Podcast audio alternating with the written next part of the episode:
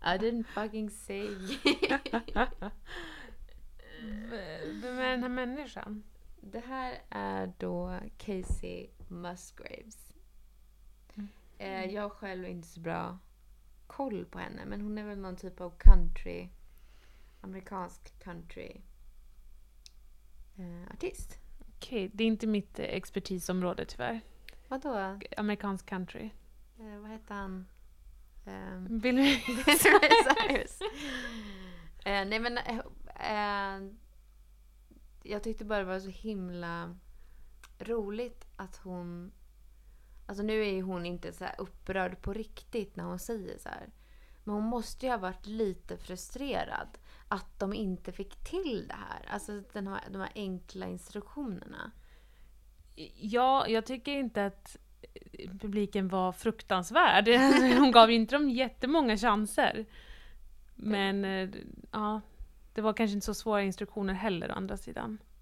Har du då din inre Casey Musgraves någonstans inom dig? Att du, om någon gör någon typ av bullshit, kan du då bara liksom säga ifrån så som hon gjorde? Eh, nej, det är jag extremt eh, dålig på.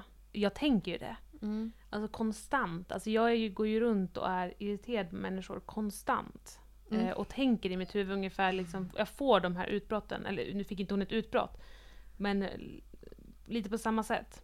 Men jag skulle nog aldrig säga det. Du då? Eh, nej, men inte jag heller. Men jag såg det här och tyckte bara att det var så härligt att hon... För hon måste ha varit lite frustrerad, eh, tänker jag. Att hon bara liksom... Alltså jag sa inte J. Varför säger ni ha? Nej, det är inte svåra instruktioner. det här är något som man, som man inte klarar av att göra. Det kanske har lite med eh, svenskheten att göra. Säkert. Vi kan nog bli bättre på att bara, alltså. Jag vet inte, jag känner det också så här, vi, vi pratat mycket om att gå på bio. Och Mm. alltså jag kan ju bli helt vansinnig på människor i biosalonger. Alltså som tar upp sin telefon, som sitter och pratar, som sitter och kommenterar under filmens gång. Men inte en enda gång tror jag har jag faktiskt liksom ställt mig upp eller liksom knackat personen på axeln och bara ursäkta men skulle du kunna ta bort din telefon som lyser mig i ansiktet. Inte en gång! Varför inte? Varför kan jag inte bara säga till? Istället sitter jag och är irriterad en hel film och muttrar om det efteråt. Mm. Säg det bara. Verkligen. Alltså det där med, med att gå på bio. Mhm. Det finns ju lite olika typer av biobesökare. Ja. Det finns ju de här äh, som sitter då... Ett ex- exempel, ett gammalt par som inte har gått på bio på tio år. Som tror att biosalongen är samma som deras vardagsrum.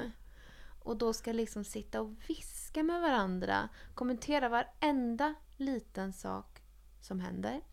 Och sen också det här med att skratta högt när ingen annan skrattar. Vad är det för osvenskhet, undrar jag.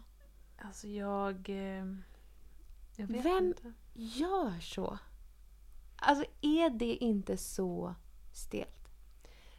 Alltså det, jag, har, jag kan gärna tycka att skärmen med bio är just att man samlas och man skrattar tillsammans och man liksom eh, får visa liksom sina känslor tillsammans. Men det, det värsta som finns det är ju att vara i en biosalong när man inte är med i stämningen.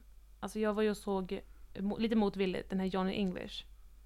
Och det var ju det sjukaste jag varit med om. Alltså folk satt ju och skrattade som att de aldrig hade sett en film förut. Alltså de hade aldrig någonsin sett något roligare än liksom Rowan Atkinson i Johnny English 3. Alltså det var, det var helt absurt. Eh, och där kände jag ju såhär, jag, jag vet inte vad ni... Nu tittar vi på olika filmer här. Men eh, ja, man får kanske tänka sig, vi båda är personer som går bio ganska ofta. Och ser mycket film.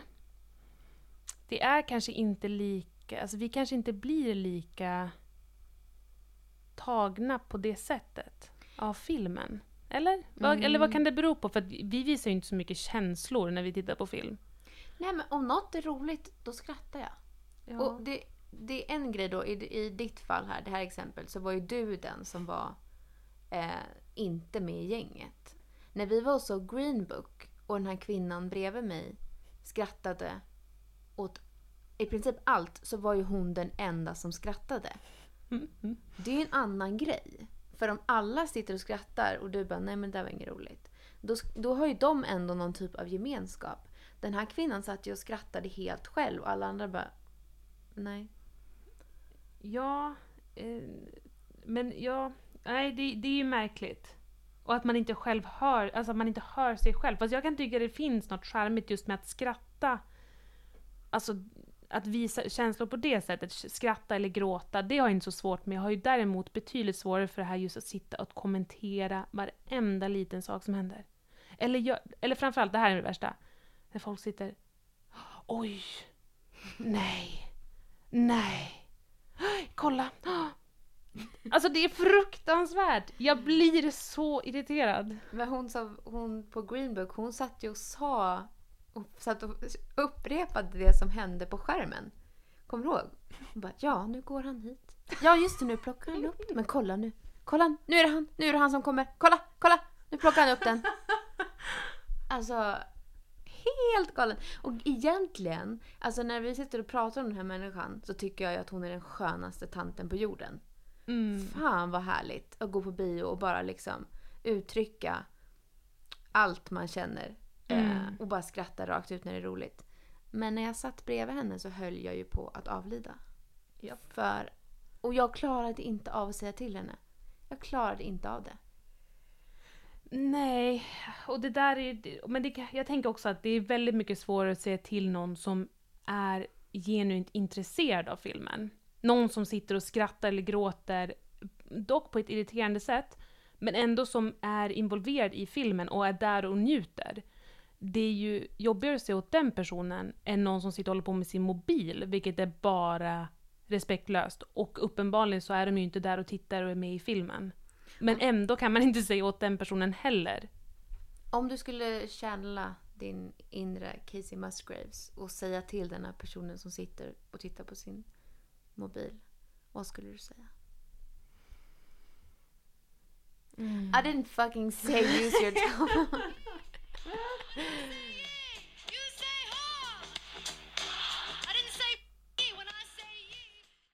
Apropå svenskhet.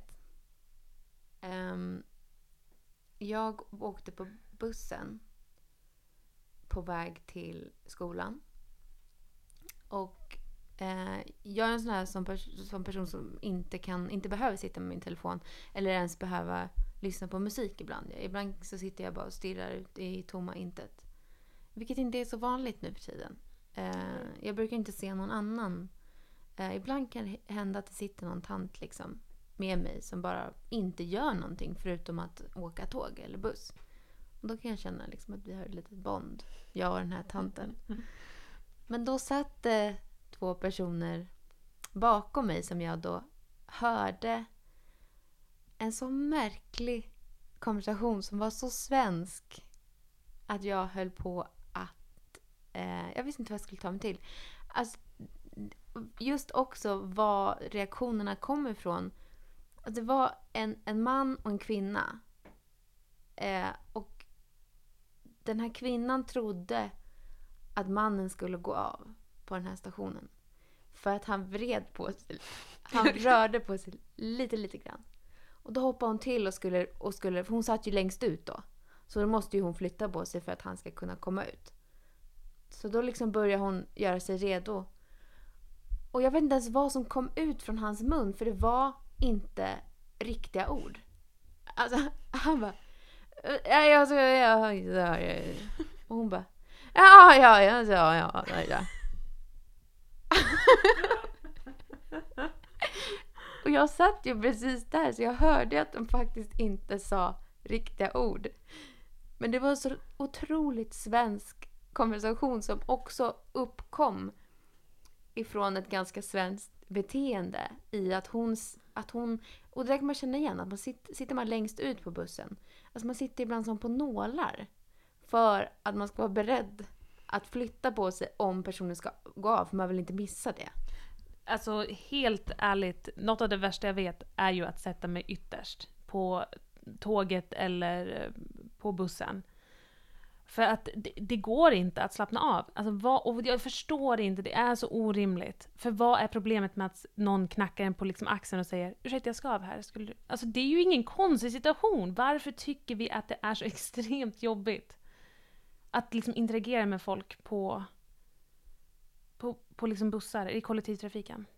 För att anledningen till att hon liksom gjorde sig beredd var ju att hon skulle slippa ha konversationen när han väl skulle gå av. Hon ville liksom bara, hon ville liksom bara flytta på sig så att han inte skulle behöva be henne. Så att de inte skulle behöva ha en konversation. Istället blev det då den här, den här konversationen som blev. som, som jag önskar jag hade kunnat spela in.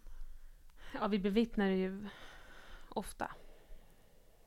Alltså man, det, det, är ju, det är ju tragiskt. Men vi är, är ju helt inkapabla, svenskar, till att interagera med varandra Mm. på ett, med främlingar på ett normalt sätt. Och det, alltså det kan också vara typ en anledning till att jag inte har hörlurar. För att jag är så rädd, för det har hänt mig så många gånger. För då, blir jag i min, då är jag i min egen värld alltså. Då missar jag allt annat som händer. Mm. Eh, det hände mig en gång nyligen när jag var på väg till jobbet när jag satt på, på perrongen. Och det satt flera personer på den här långa bänken tillsammans med mig. Eh, och, sen, och jag satt och lyssnade på, på, på musik eh, eller något. Och sen så, så, så helt plötsligt så ser jag att mitt framför mig, alltså en meter från mig, så är det en sån här mega maskin, alltså eh, maskin som, som, som städar golvet på den här perrongen. Som låter svinmycket. Och den här personen som står med den här maskinen har såna här självlysande kläder och liksom den här maskinen blinkar och han står och vinkar och runt så står det flera personer som har flyttat sig från bänken för att han ska komma förbi och städa. Och jag har inte märkt ett dugg. Alltså, så pinsamt. Alltså han liksom, och jag hörde inget, jag såg ingenting. Och det här hände liksom rakt framför mig men jag var så inne i min egen värld. Så nu vågar inte jag ens, nu sitter jag liksom och bara väntar på att någon ska be mig flytta på mig hela tiden. Ja, det, det hände, en liknande grej hände mig också häromdagen. När jag stod i gången och lyssnade på musik. Jag brukar ofta läsa bok på, på tunnelbanan. Eller på tåget. Och det är ju väldigt skönt för då är jag ändå ganska medveten om vad som händer runt omkring mig. Men när jag inte kan sitta så lyssnar jag på musik. Och då var det också en situation. Jag stod i gången och sen märker jag, och det var så här fullproppat. Och så märker jag liksom efter ett tag att det är någon som står liksom och vevar, eller liksom så här gestikulerar mot mig. Och då är det ju liksom människor som vill att jag ska... Jag har ju då ställt mig eh, lite fel så att de kommer inte förbi. Eller liksom jag... Eh, eh, du blockerar jag blockerade utgången. gången. Det är också så, jä- och det här är ju sjukt, men det var så jävla pinsamt. Alltså, så här, och det är också konstigt. Så varför, är det, alltså, varför är det så jobbigt? Mm. Det är ju så här, oj, ja men sorry, herregud. Varsågod, gå förbi. För att man måste, man, man måste interagera med människor. Ja, och jag blev ju inte. arg också på den här människan. Som sa åt mig så liksom att, men hallå ursäkta, flytta på dig. Alltså då blev jag också så här i mitt huvud. Jag bara, ja men jävla kärring, flytta på dig själv. Alltså, helt orimligt. För att det var jag som hade gjort fel. Mm. Men jag tänkte, du tog upp Coachella. Eh, jag tänkte, du har väl säkert hört om Beyoncé? Mm. Homecoming. Homecoming. På Netflix. Har du sett den? Jag har inte sett den. Eh, Jag lyssnade faktiskt på hela albumet idag på jobbet. Men eh, det är ju inte riktigt samma sak. Så, har du sett den? Jag har sett den. Eh, jag såg den tillsammans med mina systrar som har sett själva liveframträdandet från Coachella som hon gjorde då förra året. Eh, jag hade ju inte sett någonting. Så jag, alltså i soffan, jag satt längst ut på soffkanten och liksom med armbågarna på knäna och liksom bara stirrade på tvn.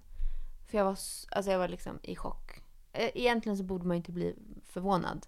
Jag vet ju liksom vad hon kan göra. Men det här var något av det absolut snyggaste framträdandet som jag någonsin har sett. Alltså jag tror, jag tror kanske det ja men det är nog topp ett faktiskt. Bästa. Mm. Och själva dokumentären var ju också eh, intressant att få se liksom, arbetet bakom. Men för mig så var det snarare att få se framträdandet. För det var ju en väldigt stor del av dokumentären. Mm, för jag har ju faktiskt sett framträdandet. Mm. Alltså en, en, en, liksom en livestream typ av framträdandet. Ehm, så är dokumentären tillför den särskilt, alltså skulle du säga att den tillför någonting eller är det egentligen bara framträdandet som är det häftiga? Jo men den tillför absolut eh, för att man får hela backstoryn till det här framträdandet. Man får hela meningen till det här framträdandet. Man, man får ju veta, eh, man får ju komma närmre alla andra personer förutom Beyoncé som är med. För jag tänkte fråga, för det är ju en, liksom en grej med Beyoncé, att hon är väldigt... Hon har väldigt mycket kontroll över vilken, hennes image och vad hon låter publiken och världen få se. Vilket jag har väldigt stor respekt för. Jag tycker att det, hon är väldigt proffsig. Men jag tänker just i så här dokumentärsammanhanget, hur, hur, hur blir det då? Alltså känner du att, känner du att man lärde känna Beyoncé mer? Ja, men lite faktiskt. Um, nu har inte jag sett någon annan dokumentär med henne. Men jag kände det just för att hon verkar och själv beskriver det som att hon har blivit en annan typ av kvinna efter att hon har fött sina eh, tvillingar. Eh, eftersom hon har varit gravid andra gången. Och hon är också ganska öppen med vad, det, vad den graviditeten innebar för henne. Liksom, det som var jobbigt men framförallt det här att hon då... ehm, det var inte riktigt planerat. Varken att hon skulle liksom bli gravid tror jag eller att hon skulle göra Coachella precis efteråt. Så det man får se är ju hennes liksom strikta eh, metoder att komma tillbaka i form efter den här graviditeten. Vilket hon också säger att hon aldrig någonsin kommer göra igen. Hon kommer aldrig någonsin slita ut sig på det sättet igen. Så man får absolut eh, komma, komma närmare henne. Men sen får man ju se, det, det är också ett sätt att komma nära henne. Att få höra hur tanken bakom det här framträdandet. Eh, sen får man inte liksom, det är ju hon som, som pratar, man får inte komma så nära någon annan som är med. Men man får ju se bilder från repen framförallt.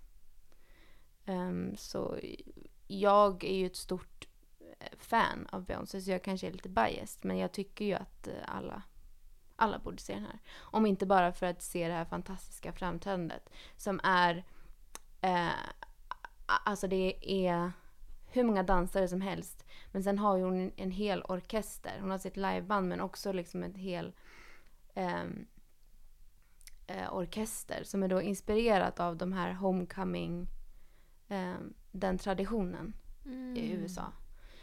Ehm, men alltså helt klart sevärd. Alltså hon är ju, hon är ju helt fantastisk. En gud. En gud. Ja, ja, men jag tänker att vi kan ju länka till den här dokumentären och albumet i vår beskrivning. Så kan väl de som vill, som inte har sett det, gå in och kika. Mm. Jag tänker, jag ska kolla på dokumentären. Ja men det tycker jag absolut. Det, det vill jag verkligen se. Men jag tänker, vi har nämnt eh, Coachella lite nu. Kan inte du bara snabbt, vad, vad är Coachella? Liksom, vad är grejen med Coachella? För det känns som någonting man hör. Jag förstår att det är musik, det är en festival. Men vad är grejen? Coachella är en musikfestival i USA, Kalifornien. Och um, det som verkar vara grejen ännu mer än musiken och artisterna är ju vad, eller framförallt vilka som går på festivalen och vad de har på sig. Är inte det det enda man ser liksom på Instagram? Ehm, Ja, för det är det jag tänker när jag Mm. tänker Coachella. Alltså inte så mycket musikframträdandena, men framför allt så här, vad har folk på sig? Det är ju lite det här, det känns som att folk ska komma dit och ha lite mer bohemisk det känns som varje år, så här, vad har Vanessa Hudgens på sig som är liksom Queen of Coachella typ, av någon anledning. Att det ska vara lite den här hipp, inte hippie, men så lyx, bohem stilen och det är så här A-kändisar. Mm. Eh, men sen, alltså det, det känns som att med Beyoncé så var det första gången jag faktiskt såg ett musikframträdande från Coachella och bara, Mm. det var det som var i fokus, vilket är så himla typ, eller liksom Mm. självklart med Beyoncé, att hon Mm. lyckas göra det till sin grej och tar liksom fokus till det som faktiskt spelar roll. Mm. Alltså i år var det ju ehm, eh, Ariana Grande som var headliner. Och hon var Mhm. eh, den yngsta kvinnan Ah. att, att göra det. Eh, det som, som jag har liksom slagits av när jag har faktiskt har kollat på lite klipp och, och sen också det jag har läst är ju att det framförallt var så många missar i ljudet. Alltså på många av hennes det var nästan varje framträdande någonting som gick fel.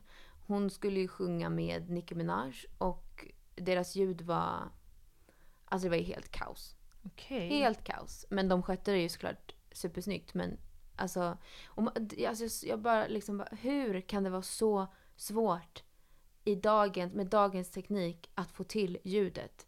Eh, en artist som jag absolut älskar som heter Lizzo. Eh, som jag kan länka hennes Instagram för alla borde in kolla för att hon är världens coolaste person. Hennes musik bara slutade. Aha. Mitt i hennes låt. Så bara helt knäpptyst. Nu var ju hon såklart supercool och bara fortsatte sjunga och hennes dansare fortsatte dansa. Men eh, det är bara liksom, jag kan inte förstå hur svårt det kan vara. Nu gjorde ju liksom såklart Beyoncé, eh, alltså det var ju helt felfritt. Självklart. Um, och hon, det är liksom, precis som du, det som jag tänker på när jag tänker på Coachella. Mm. Varför de också har döpt om det till Beachella. Ja, men jag är väldigt glad att de gjorde en, att det finns en dokumentär om det här. Jag tänker att Beyoncé var liksom den första svarta kvinnan som headlinade Coachella, Beachella. Eh, och det är väldigt roligt att det finns dokumenterat. Alltså de verkligen tog vara på det och gjorde en dokumentär. Det känns ju också som något Beyoncé skulle göra. Mm.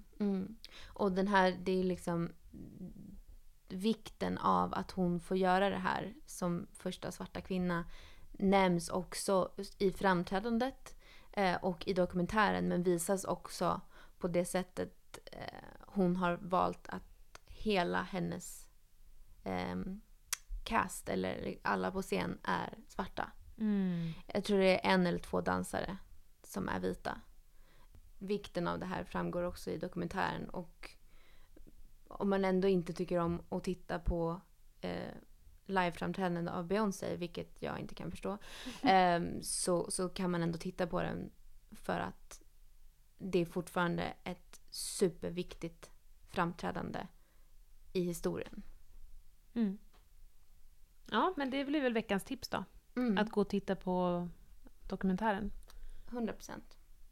Jag tänkte, tycker inte du att man kan dela in personer lite i två kategorier? De som vill, de som se, ser sig själva som Queen Bee och de som, de som inte gör det. Har du Ja. någon Queen Bee inom dig? Absolut. När du tittar på, på, på Homecoming eller Coachella, ser du då dig själv där hon står? Nej, det, det gör jag inte. För att jag tänker inte, när jag tänker på mig själv som liksom att jag har en Queen Bee inom mig. Eh, då är det ju inte liksom faktiskt att jag ser mig själv som Beyoncé på scen. Utan jag tänker mer på det här självförtroendet. Alltså jag kan verkligen slå på det ibland. Typ när jag är på jobbet eller i vissa sam- sociala sammanhang. Att jag känner att nu måste jag bara gå in och äga det här rummet. Nu, är jag, mm, nu måste jag vara Beyoncé. Mm. Men det är inte, jag, jag drar inte någon koppling till liksom, musik så. Eller Nej, att nej. jag skulle vara... Men, det, det handlar mer om personlighet. Men jag kan tänka, du som faktiskt håller på med musik. Mm. Kan du känna typ om du ska gå upp på scen. Så bara, nu måste jag bara vara Beyoncé. Nej, det har, det har aldrig hänt. Men, men jag tänker också snarare på, på det som en metafor. Kanske. Men det kan ju också vara det här, både att man, att man vill ta plats. Men också det här att man vill ha all uppmärksamhet på sig. Att man vill vara centrum. Mm. Ehm, och så, så kan man väl ändå känna ibland. Att man skulle vilja vara, nu kanske inte nödvändigtvis att man ska vara Beyoncé, att man ska liksom ha, göra en show. Men det här att hon är centrum där på scenen. Ja, alltså jag tänkte faktiskt på det idag när jag lyssnade på albumet. Och slogs av att, alltså för, tänk att vara Beyoncé. Alltså tänk att hon behöver inte marknadsföra någonting egentligen. Alltså hon kan lägga ut så här, bara, här är min nya skiva. Och hon vet att den kommer sälja liksom miljoners, miljoners, miljoner. Eller liksom hon kan gå ut på scen och stå tyst och folk kommer bara jubla. Och hon har ju byggt upp det själv. Alltså hon eh, förtjänar det till 100% för att hon står ju helt bakom liksom, att bygga upp sin image. Och alltså, hon förtjänar ju all den respekten. Men det måste ju vara helt sjukt. Alltså hon, hon fortsätter ju också att pika vilket jag alltså, blir så himla fascinerad av. Hon är self-made vad, vad, vad, vad tycker du om att Kylie Jenner är self-made? Ja, jag har ju väldigt svårt för det. Um, fakt, alltså jag, jag tycker, hon är ju inte self-made. Alltså så om man ska vara krass. Att vara self-made, för mig, det handlar ju om att man har byggt upp någonting med helt egna medel. Och då kanske Kylie Jenner väljer att se det som att ja, men jag har inte fått några pengar av mina föräldrar. Men medel behöver ju inte bara vara pengar. Det är ju en sak att ärva pengar och liksom att nej, då kanske du inte är self-made. Men det är en sak att ärva liksom ett namn, att ärva en, en, en, liksom ett, en, en plats, en plattform. Och då tycker jag det är lite svårt att säga att man är self-made. Hon har ju gjort ett superbra jobb, liksom all cred till henne för att hon har liksom gjort det här framgångsrikt. Det ser jag ingenting om. Men jag menar, måste hon kalla sig self-made? Hade hon inte haft de två föräldrarna som hon har, hade hon varit där hon är nu? Nej. Svaret är nej. Svaret är troligtvis nej. Ja. Ja. Sen kan man ju också tycka, ja, hade, hade Beyoncé inte haft sin mamma och pappa eh, som ville det här för henne, då kanske hon inte heller hade varit där hon är. Men det är, det, det är fortfarande en helt annan. Det är en annan sak, men det, det, det säger ju någonting också om att vi lever i ett samhälle där, ja, vi präglas väldigt mycket av vilken bakgrund vi har, vilka föräldrar vi har, liksom vad vi har för förutsättningar när vi kommer in i livet. Och liksom, det är väl inget att, att hymla med. Nej. Och jag menar, jag, det, därför förstår jag inte heller, nu kanske hon har liksom ändrat åsikt, men vad är, varför är det viktigt för henne att kalla sig själv self-made? Alltså det är bara att säga liksom, ja, jag hade, jag hade liksom tur, jag hade, drog en bra lott i livet. Och nu lever jag gött. Och Mm. tjänar massa pengar på det och jag tycker själv att jag gör ett bra jobb. Liksom ingen missunnar dig det. Okej, men, men för det här, om jag får återgå till det här med, med att vara centrum och Beyoncé. Då tänker jag typ så här att när jag, om jag någon gång gifter mig eller har någon typ av bröllopsliknande eh, kärleksfest av något slag. Alltså då vill jag komma in i rummet och alla ögon ska vara på mig. Så känner ju inte alla. Men alltså jag känner verkligen så att någon, en gång i livet så vill jag vara där. Helst fler. Helst fler Mm. gånger. Ehm, kan du känna så? Ja men verkligen. Alltså jag är ju också en person, en karriärist, om man ska kalla det så. Alltså jag ser ju också mig själv i framtiden vara boss. Och ha ett, liksom ett, oavsett vad jag nu kommer jobba med eller om jag kommer driva företag eller, men jag ser ju mig själv stå och leda. Du kommer vara Och- Queen Bee på ett företag. Yes. Jag kommer vara Queen Bee på en scen. Eller på ditt bröllop. Eller på mitt bröllop. Helst både och.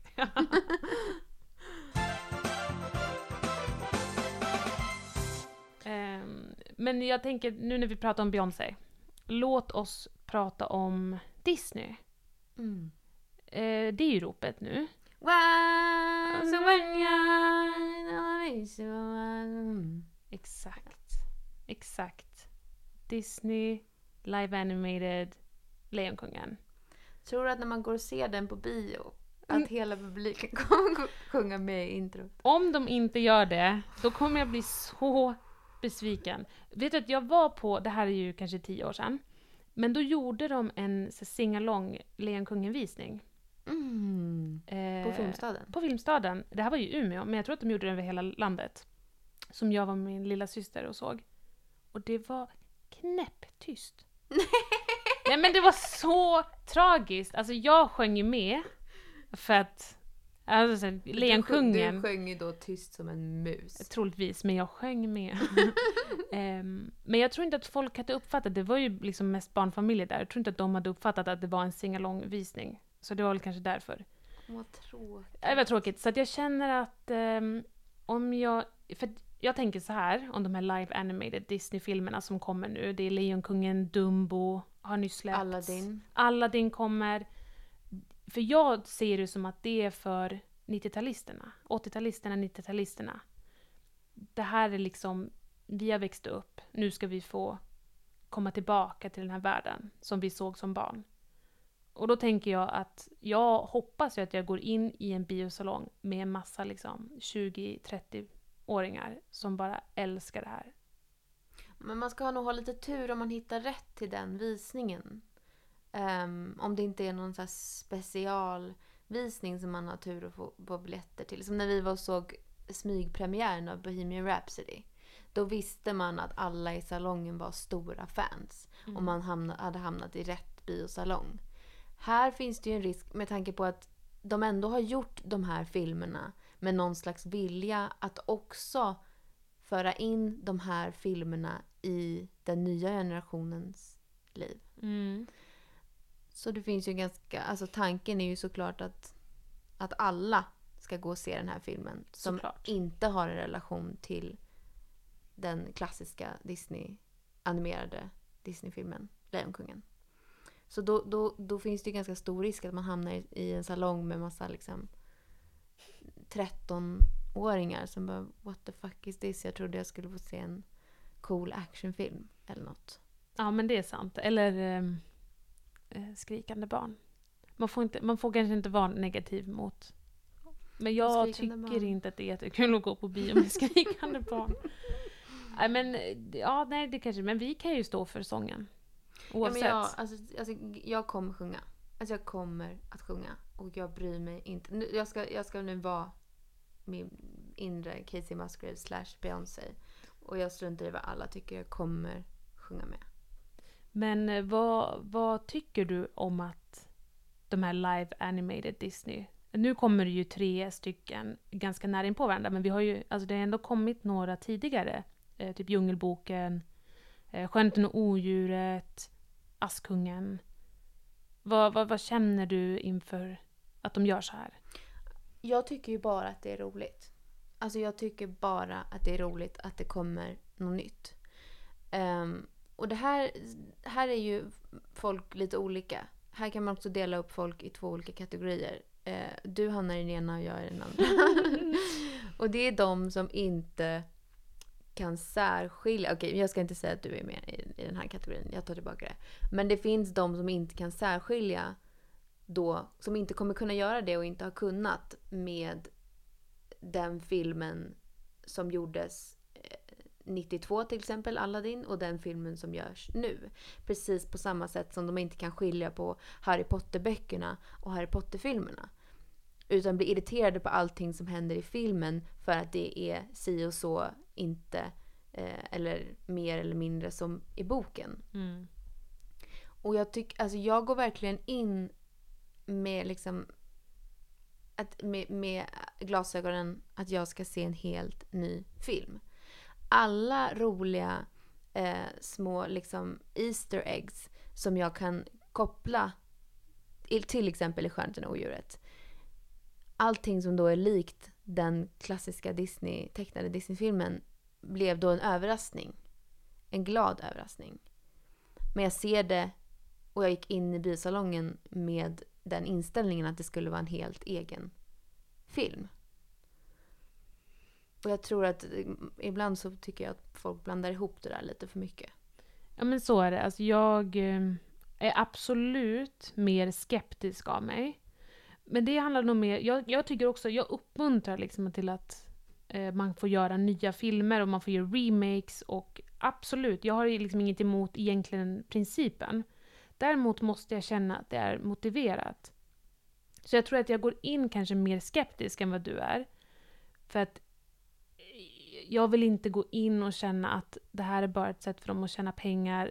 Det finns liksom tillför ingenting. Då kan man lika gärna se den gamla filmen. Eh, jag, alltså till exempel eh, Skönheten och odjuret tyckte jag var, jag tyckte det var jättebra. Jag kunde absolut motivera, jag tyckte den var fint gjord och den, jag kunde separera den från originalet. Men ja, jag är nog lite mer skeptisk. Mm. Eh, men jag tycker, alltså jag tycker att det ska bli jättekul att se Lejonkungen framförallt. Den ligger ju mig väldigt nära hjärtat.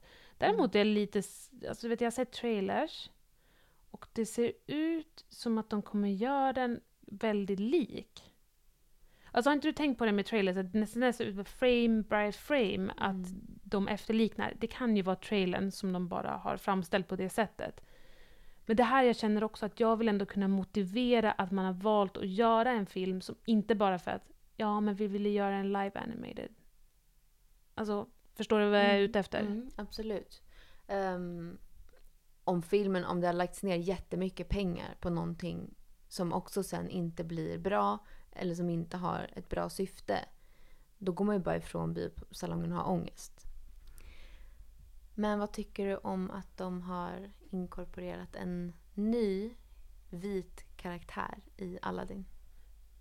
Nu känner jag inte alls att jag vet vad du pratar om. De har alltså skapat en karaktär som inte är med i Disney-klassikern. En, en vit prins från Skandinavien, från eh, Norge, som ska spelas av en vit person som, som enligt Disney skulle vara en, eh, som de har liksom beskrivit är en potential suitor för eh, Princess Jasmine. Åh, herregud. Hur känner du inför det? Ehm, nu har inte jag, jag har inte t- sett någon bild eller liksom hört om det här överhuvudtaget, men spontant så känns det ju helt sjukt. Eller liksom, vad, är, vad är poängen? Vad, eller vad är meningen med att skriva in en, en vit karaktär i den... alltså, Eller, nu Nej, men jag blir ja. jätteförvirrad. Ja, är det inte det sjukaste du har hört i hela ditt Ja. liv? Alltså, det är så onödigt. Alltså, jag förstår inte vad den här vita personen... Varför behövs den här personen? Alltså, det är helt idiotiskt av Disney. Man bara, ibland önskar man här, nu tror jag att det bör- börjar vända. Nu kanske de börjar skärpa till sig. Nu försöker de göra någonting bra. Som i, i Wreck-It Ralph. Den var ju ganska liksom... Eh, man kände att de verkligen försökte bidra till en förändring. Ja, absolut. Och de gör ju mycket bra. Alltså jag tänker så här. Eh, Lejonkungen till exempel. All black cast. Alltså för de flesta. Inte en all black, Mm. men de flesta eh, karaktärerna eh, röstas av svarta skådespelare. Eh, om man tänker Aladdin, när den kom ut, då är det i princip bara vita personer som gjorde rösterna. Det som är också intressant som jag har läst just med den här live action-filmen det är att de, de har tagit vita skådespelare, vita statister och målat deras an- ansikten mörkare. Nej. Jo, det är sant! Det är sant! Eller jag vet inte om det är sant men alltså det, det, det är verkligen... Jag har läst det. Det är, det är helt sinnessjukt. Alltså det känns ju som att den här filmen kan bli en alltså, trainwreck. Vi har hoppat hundra år bak i tiden. Ja men nu känner, jag, nu känner jag inte alls att jag vet vad det här är för film längre. Före vi började det här samtalet kände jag mig ändå så här. ja, trevlig film med Aladdin. Mm. Nu känner jag att... Och det här är ju absolut det minsta problemet. Men ja, ska, ska den här personen introduceras? Anders från Scanland. Anders, just det, det är det han heter. Prince Anders. Ehm, nej men jag vill inte veta av det. Jag vill inte veta av det. Men vad känner du för Lejonkungen då? Är det mer, känner du dig mer taggad inf- inför den? Men absolut, jag... eh, Lejonkungen känner jag ren glädje. Jag, har ju, jag var ju helt besatt av Lejonkungen när jag var liten. Alltså kollade på den varenda dag när jag kom hem från dagis. Så att det, den, den ligger mig, den är liksom den Disney-filmen som ligger mig absolut närmast hjärtat. Ehm, Så det tycker jag ska bli jättekul. Alltså jag är supertaggad, jag tycker att liksom allt de har publicerat so far, även om det liksom kommer vara frame by frame, så jag kommer bara embracea det. Jag kommer bara njuta, känner jag. Mm, det är Disney-filmer från vårt år. Ja, men, 94. ja, Bara det gör ju att den ligger, ligger nära hjärtat. Du har ju en helt annan relation till Lejonkungen. Ska du inte berätta om när du... när jag rymde hemifrån. Vi kan ju säga också att jag och Lina är alltså kusiner. Det har vi inte sagt. Alltså våra mammor... Linas mamma och min mamma är systrar. Så om folk tycker att vi drar många liksom interna saker från när vi var små, så är det för att vi har växt upp ihop. Eller vi har Mm. känt varandra sedan vi var Mm. bebisar. Eh, Men så jag vet att det finns en story. Jag vet om att det finns en story och jag vill höra den. Ja men så här då, som sagt, varje dag när jag kom hem från dagis så var det Lejonkungen som gällde. Det fanns liksom inga undantag. Och det här var ju då på 90-talet. Vi hade en TV hemma. Och jag kommer hem från dagis och eh, det är bara min pappa och min storebror som är hemma. För min mamma jobbade skift på sjukhuset så hon jobbade kväll. Och jag kommer hem och ska kolla på Lejonkungen. Och eh, ser att TVn är ockuperad av min pappa och min brorsa som tittar på hockey. Och jag bara, nu har det blivit missförstånd här, ursäkta, men jag ska ju kolla på Lejonkungen. Nej, men då är det tydligen VM och eh, det, du kan inte kolla på Lejonkungen. Och det här var ju som sagt på tiden när man, det fanns en TV. Det var inte att liksom kolla på mobilen eller kolla på datorn, utan ja. Och det här var ju det största sveket i mitt liv. Så jag, eh, ja, men jag drog. Jag hoppade på min trehjuling, alltså jag var kanske, jag vet inte hur gammal jag var, tre, fyra år. Mm. Hoppade på trehjulingen och bara, nej jag cyklar till mamma. På andra sidan stan, som på sjukhuset. Och eh, ja men drog iväg. Och givetvis, och min pappa eh, så insåg ju ganska snabbt att jag inte var kvar. Och fick panik. Ringde polisen. Jag cyklade iväg, helt fel håll också. Så jag var inte alls på väg mot sjukhuset. Eh, Men sen träffade jag två tanter längs vägen som lyckades eh, guida mig hem. Men när jag kom hem så var det ju verkligen så här, hela kvarteret var ute och letade. Pappa hade ju ringt polisen, så polisen var liksom med. De tog det ju tydligen på största allvar. Ibland kan man ju höra om så här, att vet, det går några timmar, men kanske inte med barn i och för sig. Men de var ju där. Men nej, ja... Minns du någonting av det här? Ja, alltså det här är så sjukt. Det är inte mycket jag minns från när jag var liksom tre. Det kan ju också vara för att, Nej, vem gör det? nej, men det kan ju vara för att jag har hört den här berättelsen. Mm. Men jag har väldigt starka minnen av det som hände när bara jag var där, som inte min pappa eller brorsa har liksom, eller ingen har kunnat berätta för mig. Typ när jag träffade de här tan- tanterna. Och jag minns att de, ja men så här, de såg ju att alltså, du är ett litet barn, varför är du ute ensam? Och skulle så här, försöka klura ut vart jag, liksom, vart jag bodde. Och jag hade liksom ingen uppfattning heller om vart jag bodde. De, de var såhär, vart bor du? Jag bara, jag bor i Sverige. Okej, okay. liksom, men var, vart bor du här runt omkring? Och jag, hade, jag bara, jag bor i Kiruna. Alltså jag hade liksom ingen uppfattning heller om var, det var så här, jag bor på den där vägen med det där huset i princip. Nej, det låter ju som att om du nu var så pass liten att du tyckte att det enda självklara valet var att ta din trehjuling och sticka ifrån. Då kanske du var ganska liten. Att du inte heller kunde uppfatta vart du, vart du bodde. Nej. Ehm, men jag tog mig hem. Jo, vet du, jag fick också kolla Lejonkungen när jag kom hem. Så slutet bra. gott, allting gott. Då fick du som du ville. Ja. Det är det man ska göra nu. Det är det du ska göra liksom, när du och, och din pojkvän sitter och kollar på TV och han inte vill kolla på, på RuPaul's Drag Race och du vill kolla på RuPaul's Drag Race. Det är då du bara tar cykeln och sticker. Och sticker. Lämnar telefonen så att han inte kan nå dig. Bara sticker. Och sen så kommer han ringa polisen, springa runt och leta i flera timmar. Sen kommer du tillbaka. Och då kan du Och då kolla kanske på... jag får se.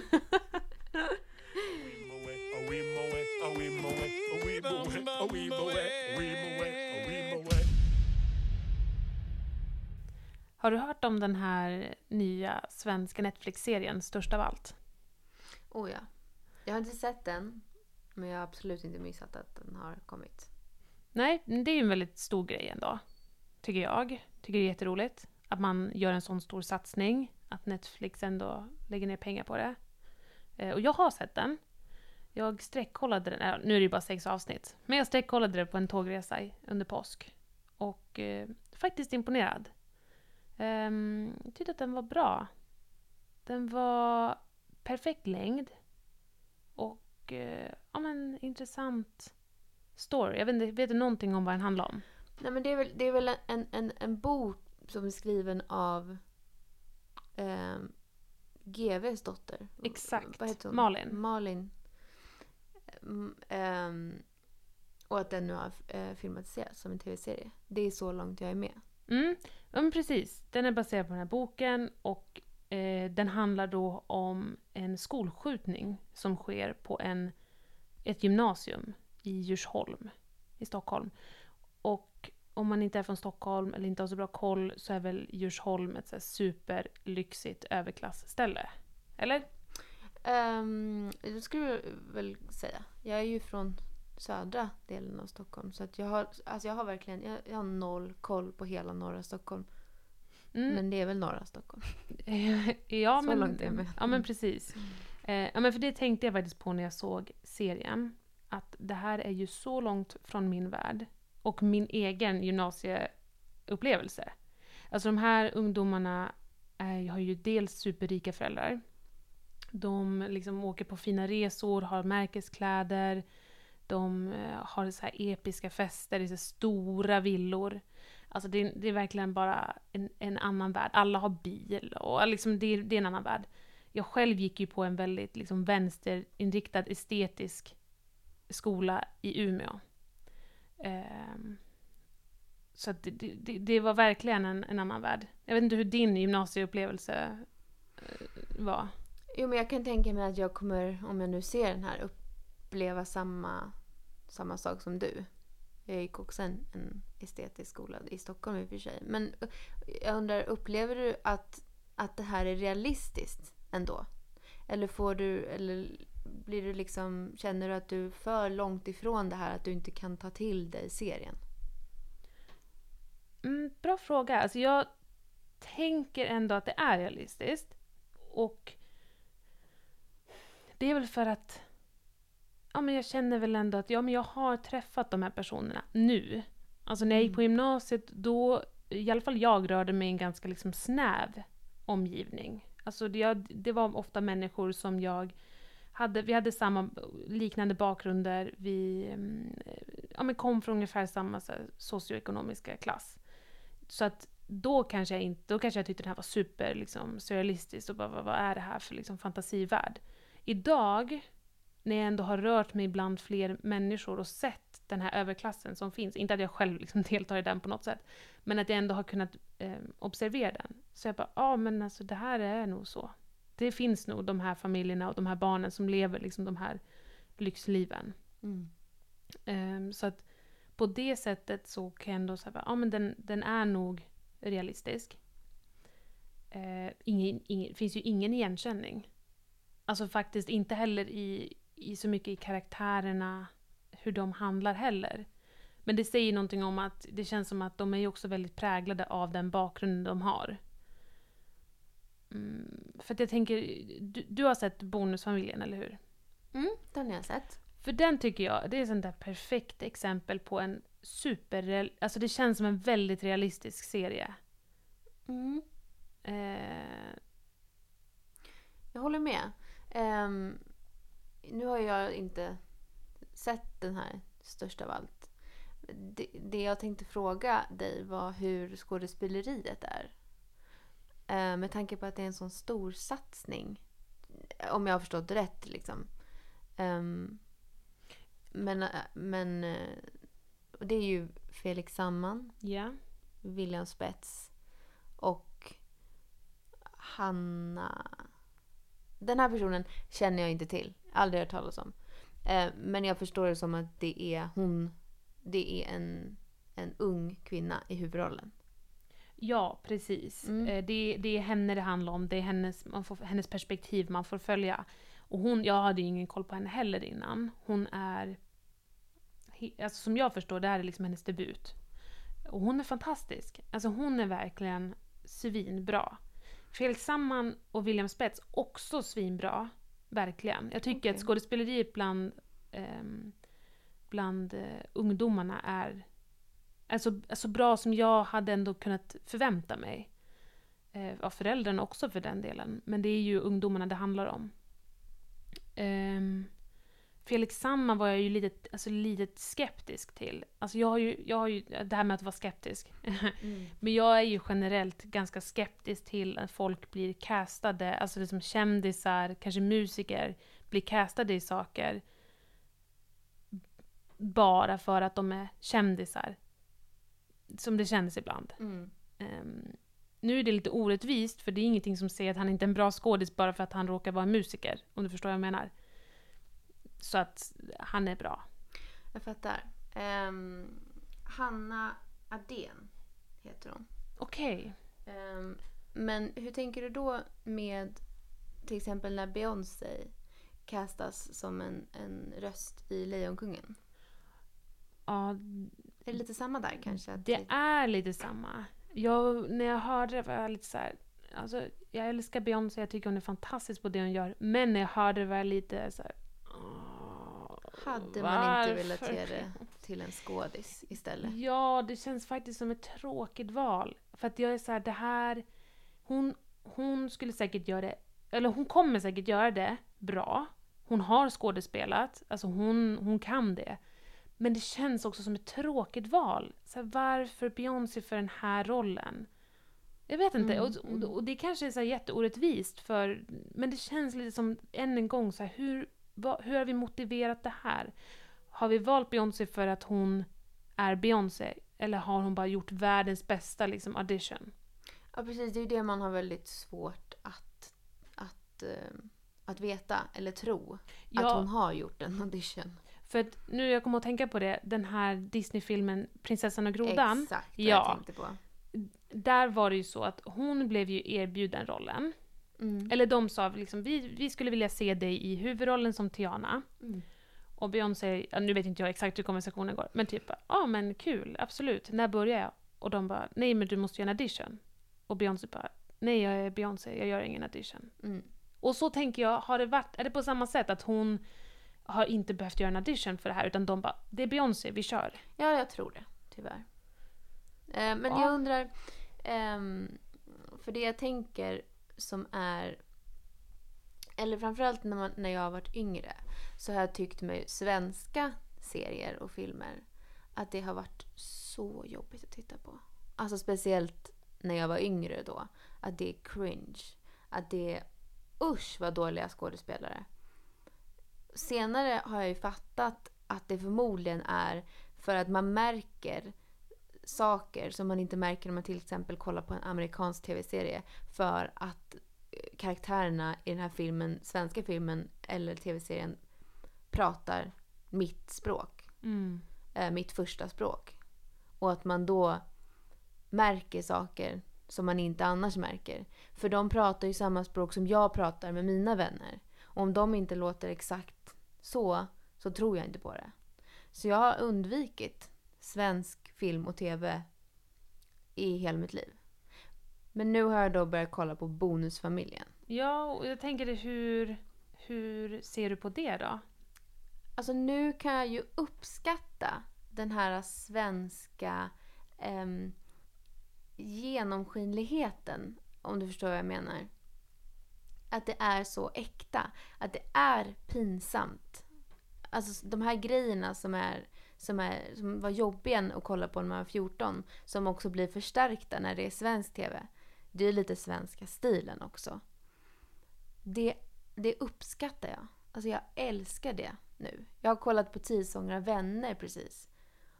Och sen får man gå till, till bonusfamiljen. Alltså kontrasten är så stor. Och nu är ju bara så här, för vän, vänner har ju blivit nu för mig, det är ju bara bullshit. Det är ju inte på riktigt. Det är ju verkligen inte på riktigt. Men, men bonusfamiljen däremot känns ju som att det här är äkta vara? Ja, för det tycker jag är så spännande med Bonusfamiljen. För att den eh, handlar ju om liksom olika konstellationer av familjer. Men det är ganska mycket liksom barn, hur man får ihop vardagen med barn. Du har liksom extra barn, eller ja, kanske inte rätt term, men liksom hela det här vardagspusslet. Vilket jag tycker är så himla spännande att jag verkligen dras in i det här som ett, inte har barn, två, absolut inte har liksom en bonusfamilj eller har någon erfarenhet av, av det här. Mitt vardagspussel är ju liksom gå till jobbet, hänga med kompisar och gå hem till min pojkvän. Alltså jag Mm. har inte så mycket liksom vardagspussel på det sättet. Mm. Och jag ändå så här verkligen känner igen mig i de här karaktärerna. Mm. Och kanske tänka verkligen att Ja, nej men det är fan jobbigt alltså med Mm. barnen. Alltså, och, det, och det tycker jag är så himla spännande att de har lyckats fånga så här. Och det är någonting med karaktärerna tror jag. Mm. Att man verkligen kan spegla sig i dem. Absolut. Och det kanske är... Alltså, det, mycket har nog att göra med att det också utspelar sig i Stockholm. Nu har ju du också bott i Stockholm i vadå? Fyra, fem, år. Mm. Så det här med att man också känner igen sig på platserna som de är på eh, bidrar ju till det här. Men jag tänker också på hela den här kulturen. Också allt som de gör i serien. Typ att de äter grillchips. Eller att de typ bråkar om de ska ha sour cream-chips eller grillchips eller vad fan det är. Att man också det skapar ju någon slags närhet till karaktärerna. Um, och för mig också he, den här som det då handlar om, den, de här familjekonstellationerna. Och jag har ju också skilda föräldrar. Så jag känner ju igen det här med kommunikationen mellan skilda föräldrar och de barnen liksom, som de har tillsammans. Och sen när föräldrarna träffar nya partner så ska man lära känna dem och så man ska också lära känna de barnen som de partnerna redan har. Och så blir det en massa bonusbarn. Um, och det där för mig är ju också något som jag kan känna igen mig i. Så att det blir liksom så många bidragande faktorer som gör att jag känner att, att det blir en så bra serie. Men också, även om alla de här grejerna inte hade varit sånt som jag hade känt igen mig i, hade, det då varit, hade jag då kunnat uppskatta serien bara för att den är så äkta. För skådespeleriet är ju äkta. Det är det. Det, är liksom, det verkar ju inte eh, på något sätt särskilt liksom repat. Om du förstår vad jag Mm. menar.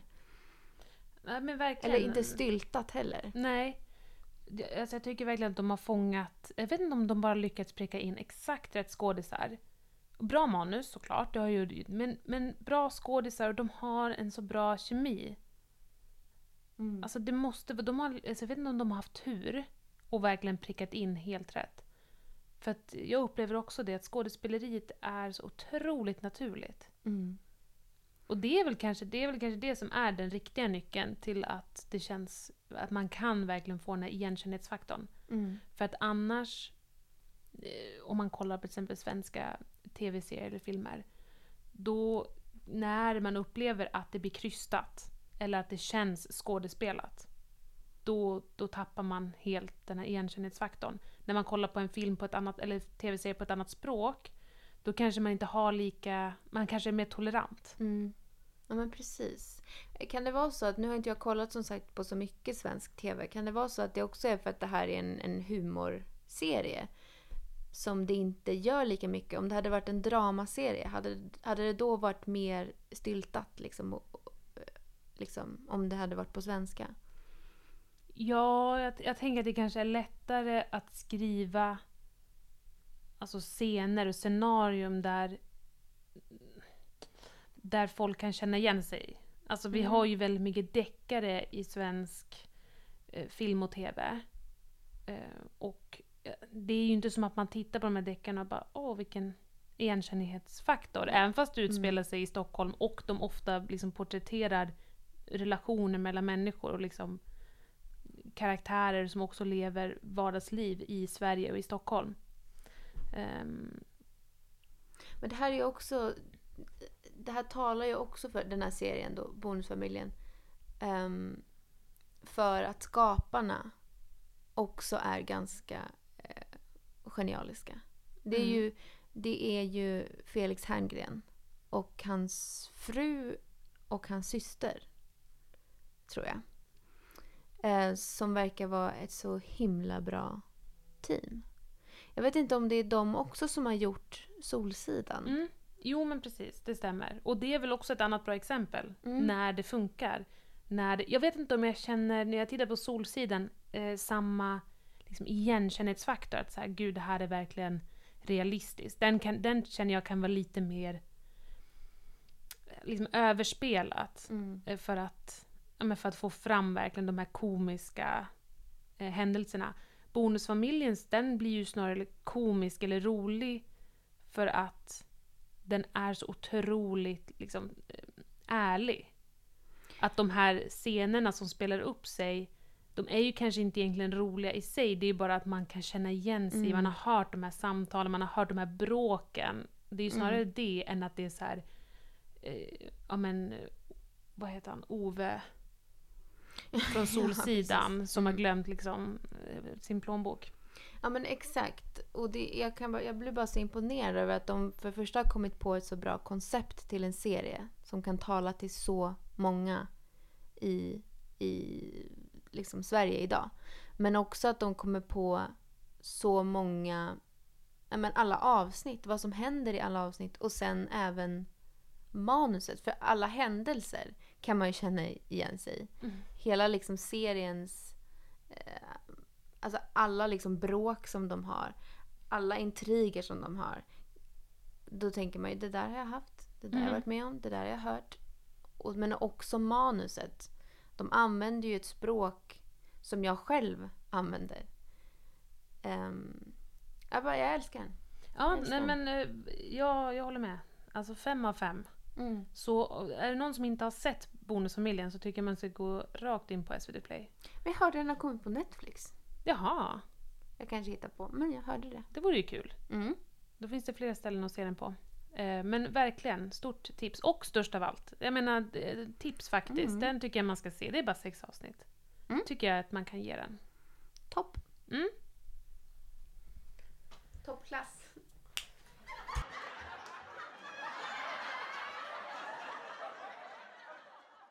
Ja, men det var väl allt för den här veckan. Mm. Jag tänker, vill du, innan vi avslutar, vill du säga något om vårt eh, pilotavsnitt? Det förra avsnittet. Ja, jag vill ju säga att jag är ledsen att det finns överhuvudtaget. Nej. Eh, nej men vi har fått lite, vi har fått faktiskt väldigt värdefull feedback av de som har lyssnat. Som vi såklart har tagit till oss av. Eh, och vi vill, alltså vi... Det var så skönt för all feedback som vi fick var också saker som vi själva hade tänkt på. Det låter ju superdrygt men det, det var väldigt skönt. För att eh, det betyder för oss att våra lyssnare är på samma page. Eh, Så vi vet om att det inte var så jättebra ljud. Vi vet om att de här rymdeffekterna som jag, som jag tyckte var roligt att lägga in blev skitjobbiga.